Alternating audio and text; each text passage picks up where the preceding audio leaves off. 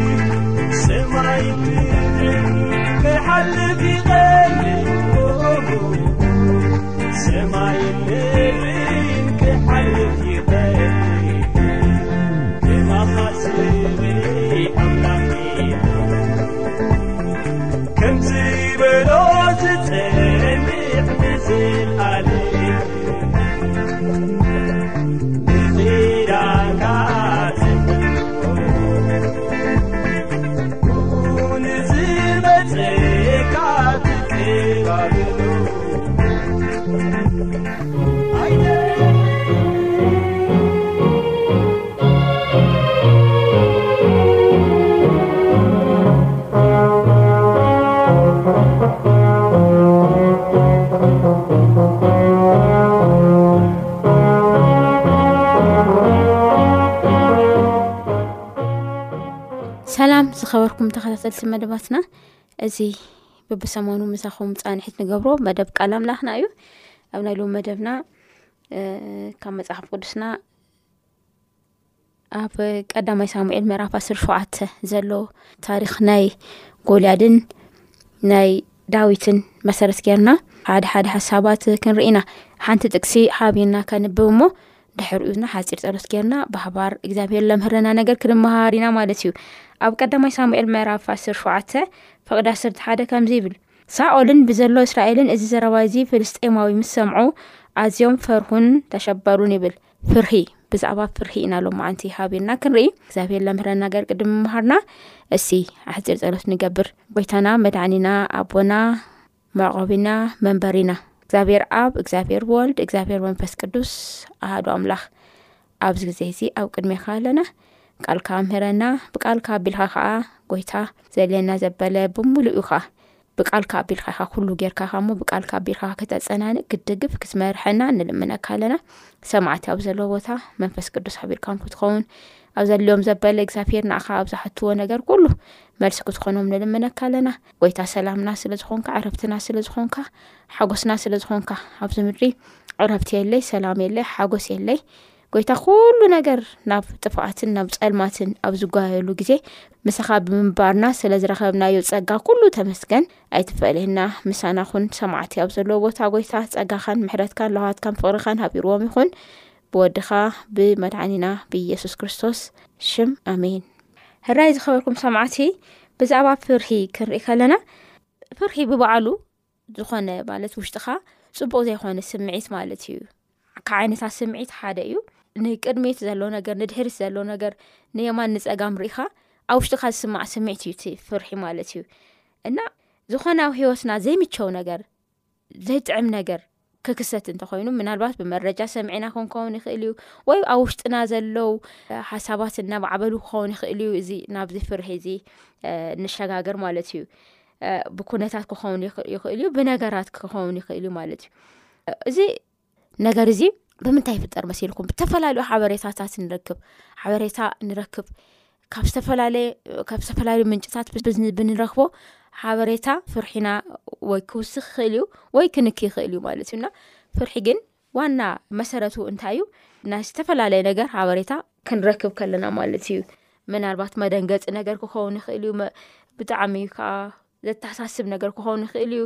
እሱታት ክንእክብ ከለና ኣብ ውሽጥና ዝፍጠር ስምዒት እዩ ማለት እዩ ሕዚ እዚ ፍርሒ እዚ ብክልተ መንገዲ ንትርጉም ንኽእል ኢና እቲ ሓደይ ጥንጥን ኣቢልካ ክትጎይ ካብቲ ፍርሒ ክተምልጥ ክተምልጥ ትጎይሉ እዚ ስብእና ኣብ ስብና ስብእና ውሽጢ ካብቲ ፍርሒ ክተምልጥ በቃ ዝተፈላለዩ ነገራት እናገበርካ ፀጥ ክተብሎ ማለት ፀጥ በልልካ ኣብ ውሽጢ ካሒስካ ትጓየዮ ነገር ኣሎ ሓደ እዚ ብከምዚ ክትርጎም ይኽእል እዩ ከም ዘሎ ምሳኻ ትፍርሒ ምሳኻ እናሃለየሲ ንኡ ንምምላጥ ንኡ ንምግዳፍ በቃ ፃዕሪ ምግባር ማለት እዩ እቲ ካልኣይ ከዓ እቲ ፍርሒ ማንኛውም ነገር ይኹን ቅድሚት ገፅ ንገፅ ነቲ ፍርሒ ተቃሊስካ ካው ስዒርካ ምውፃእ ማለት እዩ ክልተ ካብዘን ብዘን ክልተ ነገራት እዩ ፍርሒ ዝትርጎም ማለት እዩ እቲ መረጃ ግን ካብ ውሽጥና ክኸውን ይኽእል እዩ ካብ ደገ ናብ ውሽጢ እውን ክእከብ ይኽእል እዩ እቲ ዝተፈላለየ ሓበሬታታት ዝበልናዮ ማለት እዩ ሕዚ እቲ ሓበሬታ ኣብ ላኣከብናዮ ቁፅሪ ኣብ ውሽጥና ዝተፈላለዩ ነገራት እናተፈጠሩ ይኸዱ ካብኡ ፍርሒ መጠን ፍርሒና ወይ እናወሰኸ እናወሰኸ እናወሰኸ ይኸ ሞ ናብለይኮን ነገር ክወስደና ይኽእል እዩ ወይ ከዓ ኣይ እዚ ነገር እዚ ብደንቢ ገይረ ተቃልሰን ብደንቢ ገይረ ኣትየሲ ክወፅን እየኒ ኢልካ ኣትኻ ከዓ ብብዙሕ መከራ ብብዙሕ ሽክር ድሕር ብዙሕ ቃልሲ ነቲ ፍርሒ ትእወት ትኽእል ኢኻ ማለት እዩ እዚ ንፍርሒ ዘለና ኣመለኻኸታ ንምግላፅ እዩ እቲ ናብ ውሽጢ ዝስምዐና ስምዒትሲ ንምግላፅ ዝተጠቀምክዎ ታሪክ እዩ ሕዚ ናብቲ ነበርኩም ኣብ ቀዳማይ ሳሙኤል ምዕራፍ ዓስር ሸውዓተ ካብ ፈቐዲ ሓደ ጀሚሩ ዘሎ ዛንታ ክንካይድ ኢና ኣብቲ ዛንታ እሱ እንታይ ይብል እቲ ዋና ኣርእስቲ ዳዊትን ጎልያድን ይብል ማለት እዩ ዳዊትን ጎልያድን ይብል ማለት እዩ ሕዚ ኣብዚ ሰለስተ ዓይነት ሰባት ኢና ንረክብ እቲ ታሪክ ነዊሕ ስለ ዝኾነ ኣብዚ ኣነ ኣንብቦን ኣብ ኢድኩም ግን መፅሓፍ ቅዱስ ዘለኩም እቲ ዛንታ ዝርከብ ኣብ ቀዳማይ ሳሙኤል ምዕራፍ ዓሰርተ ሸውዓተ ካብ ሓደ ጀሚሩ እዩ ዝንበብ ማለት እዩና ሓደ ሓደ ሓሳብ ግን ካብቲ ታሪክ ብዙሕ ግዜ ተነጊሩና ዩ ንዓብና እቲ ዳዊትን ጎልያድን ብዝተፈላለየ መንገዲ ከም ኣመንቲ መፅሓፍ ቅዱስ ፈሊጥናዮ ዝዓበናዮ ታሪክ እዩና ካብኡ ዝተወሰነ ሓሳብ ክንርኢና ሕዚ ኣብቲ ዓዲሱ እንታይ ንዮ መሲልኩም ፍልስጠማውያን ኣሎ ከምኡ ከዓ እስራኤላውያን ኣሎ ሳኦል ናይ እስራኤል ንጉስ ኮይኑ ኣብ ዝነበረሉ ግዜ ዝኾነ ዛንታ እዩ እና ሳኦል ንጉስ ገይሩ እግዚኣብሄር ሾይምዎ ብሳሙኤል ኣቢሉ ከም ዝተቐበ ዐና ንርኢ እግዚኣብሄር ምስ ቀበኦ ግን ሳኦል እቲ ናይ ንግስና ዘመኑ እግዚኣብሄር ዝሃቦ ክብሪ ብትክክል ንእግዚኣብሄር ተኣዚዙ ብምኻድ ካብ ምውሳድ ከም ዝተቆንጠበ ኢና ንርኢ እግዚኣብሔር ዝኣዘዞ ገዲፉ ካልእ ካልእ ክገብር እሞ ካብብ ድሕሪ ግን ብብዙሕ ኩናት ብብዙሕ መከራ ክሓልፍ ከሉ ኢና ንርኢ እሞ እዚ ቦታ እዚ ጎልያድ ዝስሙ ነይሩ ኣብቲ ፍልስጣውያን ሰፈር ማለት እዩና እዚ ጋት እዩ ኣዱ በዓል ጋት ይብሎ ጋት እዩ ኣዱ ማለት እዩና ሕዚ ሰብ እዚ ቁመቱ ነዊሕ እዩ ብጣዕሚ ነዊሕ እዩ ቁመቱ ቁመቱ ክንደይ ይብል መሲሉኩም ኣዚ ሽዱሽተ እመት ወይ ከዓ ስሪ ይብል ሽዱሽተ እመትን ስድርን ዝቁመቱ ይብል ነዊሕ ብጣዕሚ ነዊሕ ዝኮነ ሰብ እዩ እዚ ሰብኣይ እዚ ተቃላሲ ከዓ እዩ ክብለና ከሉ እንታይ ይብል ካብ ብህፃኑ ጀሚሩ ብቃልሲ ማስተር ዝገበረ ና ቃልሲ ክእለ ዘለዎ ሰብ ከም ዝኮነ ኢና ንርኢ እዚ ሰብ እዚ ኣብ ርእሱ ከዓ ናይ ኣስራዝ ቁርዓ ርእሲ ከም ዝገበረ ቁርዓ ርእሲ ኣብ ርእሱ ከም ዝደፈአ ናይ ናይ ኣስራዝ ብረት ኣብ ርእሱ ከም ዝደፈ ንሪኦ ማለት እዩ ከምኡ ከዓ ተኸዲኑ ነይሩ እዩ ክዳን እውን ተኸዲኑ ሕዚ እውን ካብ ኣስራ ዝተሰርሐ ኪዳን ተኸዲኑ ከም ዝነበረ ኢና ንርኢ ከምኡውን ብ እውን ሕዚለ ኣብ እግሪ እውን ተጫምዩ ዝነበረ እቲ ጫማ ዝገበሮ ጫማ እውን ካብ ኣስራ ዝተሰርሐ እዩ ኣብ መንከቡ ከዓ እንታይ ተሸኪሙ ነይሩ ይብል ከምኡ ውን ብኣስራ ዝተሰርሐ ኣብ መንከቡ ፀይሩ ከም ዝነበረ ንርኢ ማለት እዩና እቲ ዝወግኦ ከዓ በሊሕ ዝኾነ ሕላሱ ሒዙ እዩ ነይሩ እቲ ሕላሱ ከዓ እንታይ ይል ብጣዕሚ ከቢድ እዩ ኣብ ልዕሊኡ ከዓ ኣብ ጫፉ ከዓ ከቢድ ብጣዕሚ መፍርሒ ዝኾነ ብረት ተሰርሕሉ ከም ዝኾነ ንርኢ ማለት እዩና ሕዚ እዚ ሳኦል እዚ እዚ ጎልያድ እዚ እዚ ጎልያድ እዚ እንታይ ይብሎም ነይሩ መስልኩም? እናወፀ ካብቲ ናይ ፍልስጤም ሰፈር እናወፀ እንታይ ይብል ንሱ ምሳይ ተዋጊዑ ክቀትለኒ እንትኸኣለ ሓምዚ ይብል ነቶም ስሉፋት እስራኤል ማለት እዩ ኣብ ቀዳማይ ሳሙኤል ምዕራፍ ዓስተ ሸተ ፍቅዲ ሸተ ከምዚ ይብል ቆፅሪ ሸሞንተ ተንስኡ ከዓ ነቶም ስሉፋት እስራኤላውያን ስለምንታይ ኢኹም ንውግእ ክትስለፉ ዝወፃእኹም ኣነ ፍልስጤማዊ ዶ ኣይኮንኩን ንስኻትኩም ከዓ ገላው ሳኦል ካባካትኩም ሓደ ሰብኣይ ሕረዩ እሞ ናባ ይውረድ ንሱ ምሳይ ተዋጊኡ ክቐትለኒ እንትኸኣለ ንሕና ባሮትኩም ክንከውን ኣነ ኣሰኒፈ እንተቀተልክዎ ግና ንስኻትኩም ባሮትና ኮይንኩም ክትግዝኡና ኢሉ ጨደረሎም ይብል ማለት እዩ እዚ ሰብ እዚ እዚ ጎልያድ ንእስራኤል ከምዚ ዓይነት ዛቻ ወይ ከዓ ወጥበት ከዳል ከሎ ኢና ንርኢ ካብኡ እዚ ጎልያድ ከምዚ ዓይነት ካብ ምኳኑ ተላዓለ ሕዚ ኣብቲ ላንበብናዮም ሕዚ ዝረኣናዮም ነገር እስራኤል ናይ ጎልያድ ቁመት ይርኡ እቲ ኣብ ርእሱ ዝተፈኦን ይርኡ እቲ ዝተኸደኖ ይርኡ ኣብ እግሩ ዝተጫሙ ይር ኣብ ኢዱ ዝሓዞ መሳርሒ ይርዩ ኦም ሪኦም ሪኦም ምስ ኣበሉ ዘረባ ናቱ ከዓ ብብመዓልቲ ናብኦም ይመፅ እዩና እዚ ምስ ራኣዩ ኣብ 17 ፍቕነት 1 ሓደ ሳኦልን ብዘሎ እስራኤልን እዚ ዘረባ እዚ ፍልስጤማዊ ምስ ሰምዑ ኣዝዮም ፈርሁን ተሸበሩን ይብለና ማለት ፈርሁ ተሸበሩ ምክንያቱ ብብመዓልቲ እናወፀ ንዓርብዓ መዓልትታት እዩ ልብል እናወፀ ንዑ ናባይ ሓደ ሰብ ሃቡን እሞ ኣነ ተውደቕክዎ እስኹም ህዝበ ግዝእዎ ካባኩም ወገን እንተውዲቕዎ ከዓ እናበለ ይፍክር እዩ ነይሩ ብብመዓልቲ እናተላዕለ ንኣርብዓ መዓልቲ ኣብቲ ናይ ኣውደ ኩናት ኩናት ኣይጀመሩን ርግፅ ግን ኩናት ከካይዱ ኢሎም በቲ በቲ ተሰልፎም ኣብ ዘልሉ ግዜ እዚ ሰብዚ ኣብ ማእኸል እናኣተየ ከምዚ ዓይነት ቃላት ከስምዕ ከሎ ኢና ንርኢ ድሕሪኡ ሳኦልን እስራኤላውያንን ኩሎም በዚ ሓደ ሰብ እዚ ከም ደንገፁን ከም ተሻቐሉን ኢና ንርኢ እዚ ድሕር ዓርባዓ መዓልቲ ምስ ፀንሐ ግን ሓደ ነገር ይፍጠር ሓደ ነገር ይፍጠር እንታይ ተፈጢሩ መሲልኩም ዳዊት ዝበሃል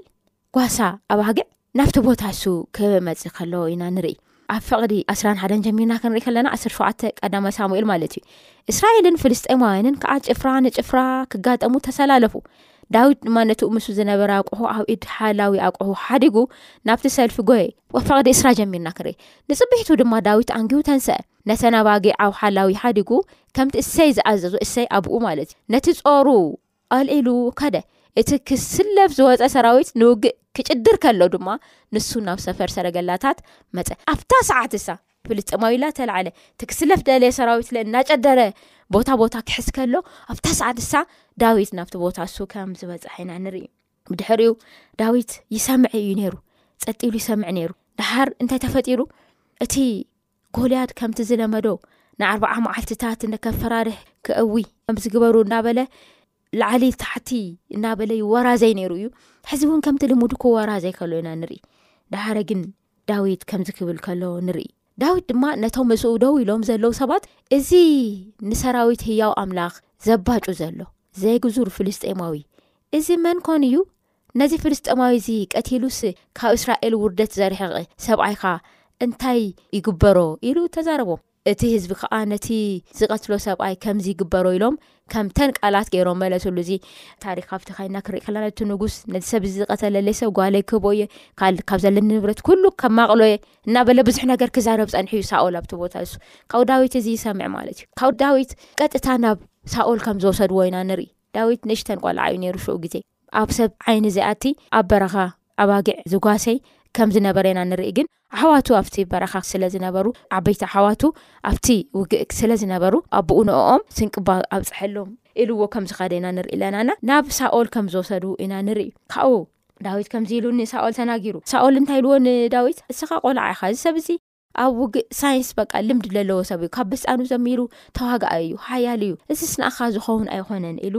እቲ ሳኦል ተገሪሙ ኣብ ና ዳዊት ነገር ክነግሮ ከሎ ኢና ንርኢ ካብኡ ግን ዳዊት ከምዚ ኢሉ ይብል ኣብ ምዕራፍ 1ሸተ ፍቕዲ 36 ገሊያኻ ኣንበሳን ድቢ ንቀት ኢሉ እዩ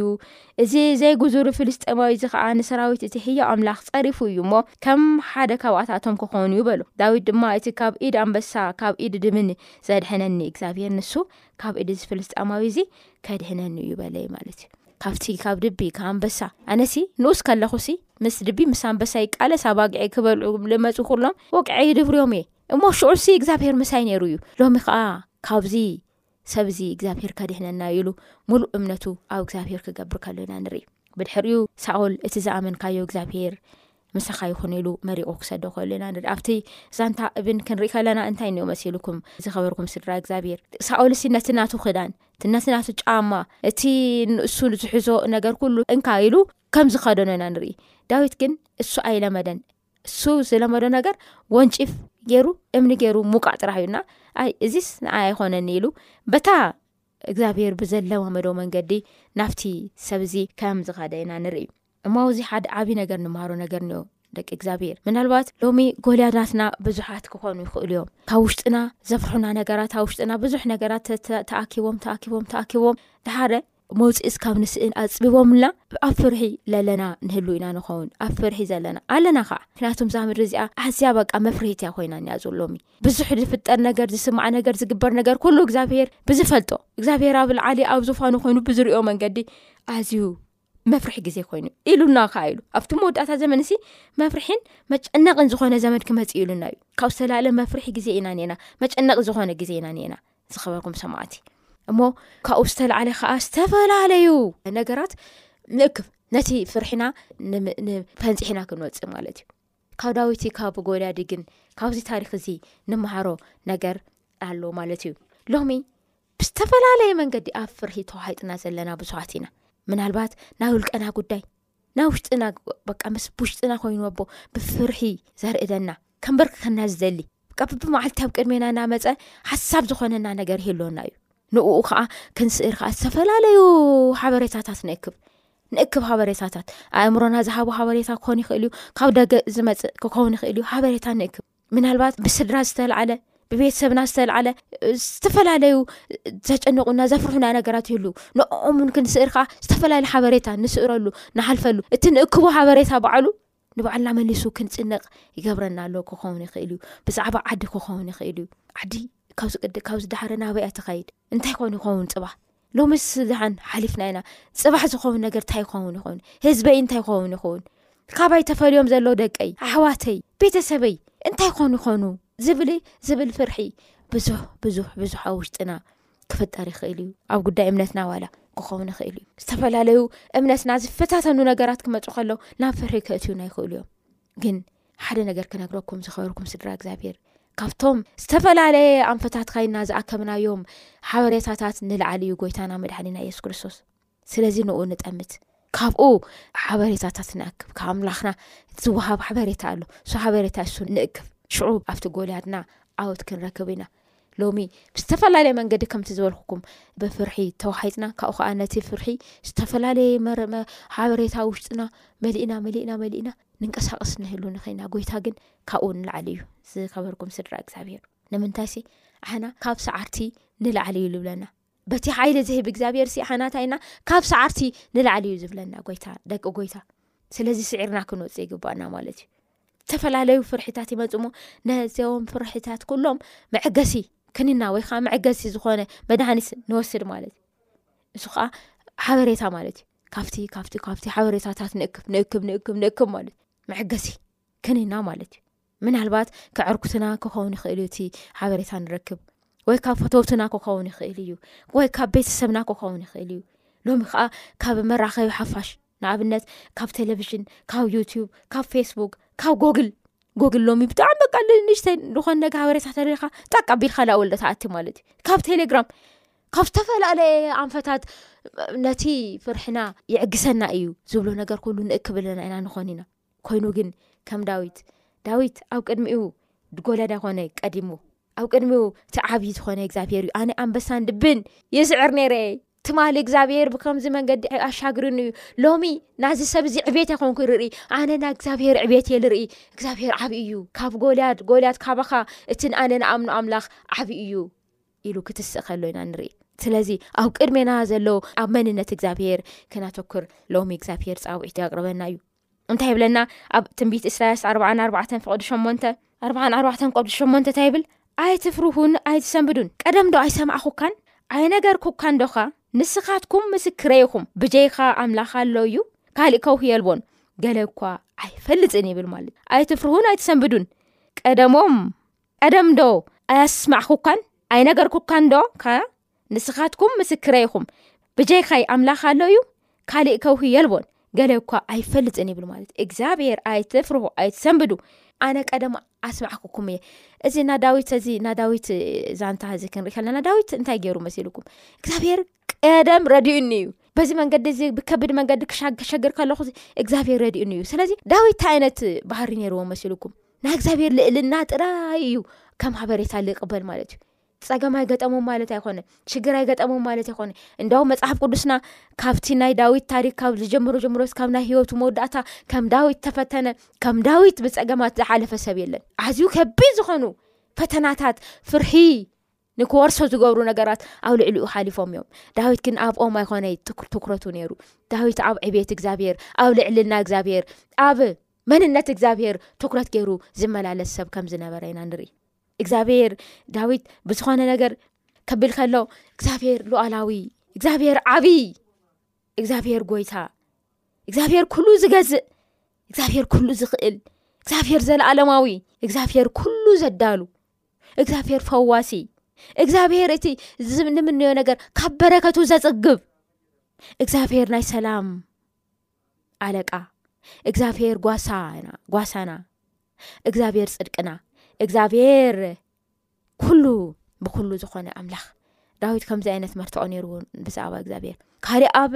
ኣብ ጥቕኡ ብዝኸውን ነገር ትክረቱ ኣይገበረን ኣብ ልዕሊ ናይ እግዚኣብሄር ክተመክሐ ትማል ዝረድአኒ ኣምላኽ ሎም እውን ክረድአኒ ኢሉ ምስ ኣምላኽ ወፀ እግዚኣብሄር ከዓ ረድእዎ ንጎልያድ ክስዕሮ ከሎ ንጎርያድ ክረግፁ ከሎ ንጎልያድ ንዘለኣለም ንከይለኣል ገይሩ ካብ ቅድሚኡ ከወግዶ ከሎ ኢና ንርኢ ማለት እዩ ስለዚ ሎሚ ደቂ እግዚኣብሄር ስድራ እግዚኣብሄር ኣብ ምንታይ እዩ ትንዮ እምነትና ካብ ምንታይ ኢና ሓበሬታ ንኣከብና ዘለና ብዛዕባ እግዚኣብሄር ድዩ እቲ ሓበሬታና ንእክብ ዘለና ወይስ ብዛዕባ እቲ ዝገጢሙና ዘሎ ነገር ሓበሬታ እናኣከብና ብኡ ኣብ ፍርሒ ተዋሂጥና ኢና ዘለና እዚ ንበዓልና ክንፍትሽ ንግባኣና ማለት እዩ ነገራትና ምንም ይኹን ምን ኩነታትና ምንም ይኹን ምን ካብ እግዚኣብሄር ኣይበልፅን እግዚኣብሔር ዓብዪ እዩ ክንሓልፍ ንኽእለሉ ጸጋን ሓይልን ይህበና እዩ ስለዚ ሎሚ እንታይ ክብለኩም የደሊ ኣብ ዕብየት እግዚኣብሄር ትኩረት ንግበር ኣብ ኩሉ ኣብ ክእለት እግዚኣብሄር ትኩረት ንግበር ንእግዚኣብሄር ኩሉ ነገር ኣሕሊፍና ንሃብ እሱ ከዓ መሊሱ ከም ዳዊት ሓይሊ ክዕጥቐና እዩ ከምኡ ውን ሰዓርቲ ኮንከውን ክገብረና እዩ ማለት እዩና ሓደ መዝሙር ኣሎ ብጣዕሚ ዝፈትዮ ኣብ ብኣምሃርኛ እዩ መዝሙር እዚ ኣብ ቀረባ ግዜ ዝሰበለ እዩና ኣብ ዝሓለፍክዎ መንገዲ ኣብ ሂወት ኣብ ጎዳና ሂወተ ይብል ኣብ መመዓልቲ ናብራይ ቅንዕ ድፍእ እናበልኩ ክኸየድ ከለኹ ክሓልፍ ከለኹ ይብል እንታይ ከም ዝኾነ ሲ ክርድኣና ኣይክኣለን ንምንታይ ካብኡኻ ናበይ ንመን ንምንታይ ንመን እቲ ቀፃሊኸ ናበይ እዩ እናበልኩ ኣብ ውሽጠይ ከሰላስል በዚ ኩሉ ነብሰይ ክትጭነቕ ከላ ሓደ ነገር ምፍላጥ ግን የረጋግአኒ ሓደ ነገር ምፍላጥ ግን የሀደአኒ ይብል ሉዓላዊ በይንካ ሉዓላዊ ንስኻ ምዃንካ ምፍላጠይሲ ንኣይ የሀደአኒ ይብል ማለት እዩና ህድእ በሉ ኣነ እውን ኣምላኽ ምዃነ ኣስተብሒሉ ይብል ቃል ኣምላኽ እሞ ጎይታ ሰላም ጎይታ ዕረፍቲ ጎይታ ኩሉ ብሉ ብኩሉ ዝኾነ ኣብ ፍርሒና ኣብ ዘይኮን ተዋሒጥና ኣብ ላእተናዮ ነገር ንጉስ ክኾነና ሃይሊ ክህበና ሰናይ ፈቃዱ ይኹን ማለት እዩ መዝሙር 2ሸ ሓደ ክልተን ኣንቢብና ናይ ሎሚ ሃሳብና ኣብዚ ክንዛዘም ኢና ከምዚ ይብል መዝሙር 2ሸ ሓደ ክልተን እግዚኣብሄር ብርሃነይን መድሕነይን እዩ ካብ መን እየ ደኣ ዝፈርሕ እግዚኣብሄር ሃይሊ ህይወተ እዩ ካብ መን ከ እየ ዝስምብድ ይብል ማለት እዩ እግዚኣብሄር ብርሃነ እዩ ካብ መን እየ ዝፈረ እግዚኣብሄር ሓይሊ ሂወተ እዩ ከዓ ካብ መን ከዓ እየ ዝስምድድ ኢሉ ሞ እግዚኣብሄር ብርሃና ክንገብር እግዚኣብሄር ሓይሊ ሂወትና ክንገብር ሞ ካብቲ ካብ ዘፍርሐና ካብ ዘተሓሳስበና ነገር ንልዓሊ ንእግዚኣብሄር ተመርሒና ክንካየድ እግዚኣብሄር ፀቡቅ እያ ብዝሐልና ኣብ ዝወፅን ብካሊእ ክሳብ ንራኸብ እግዚኣብሄር ምስ ኩላትና ይኹን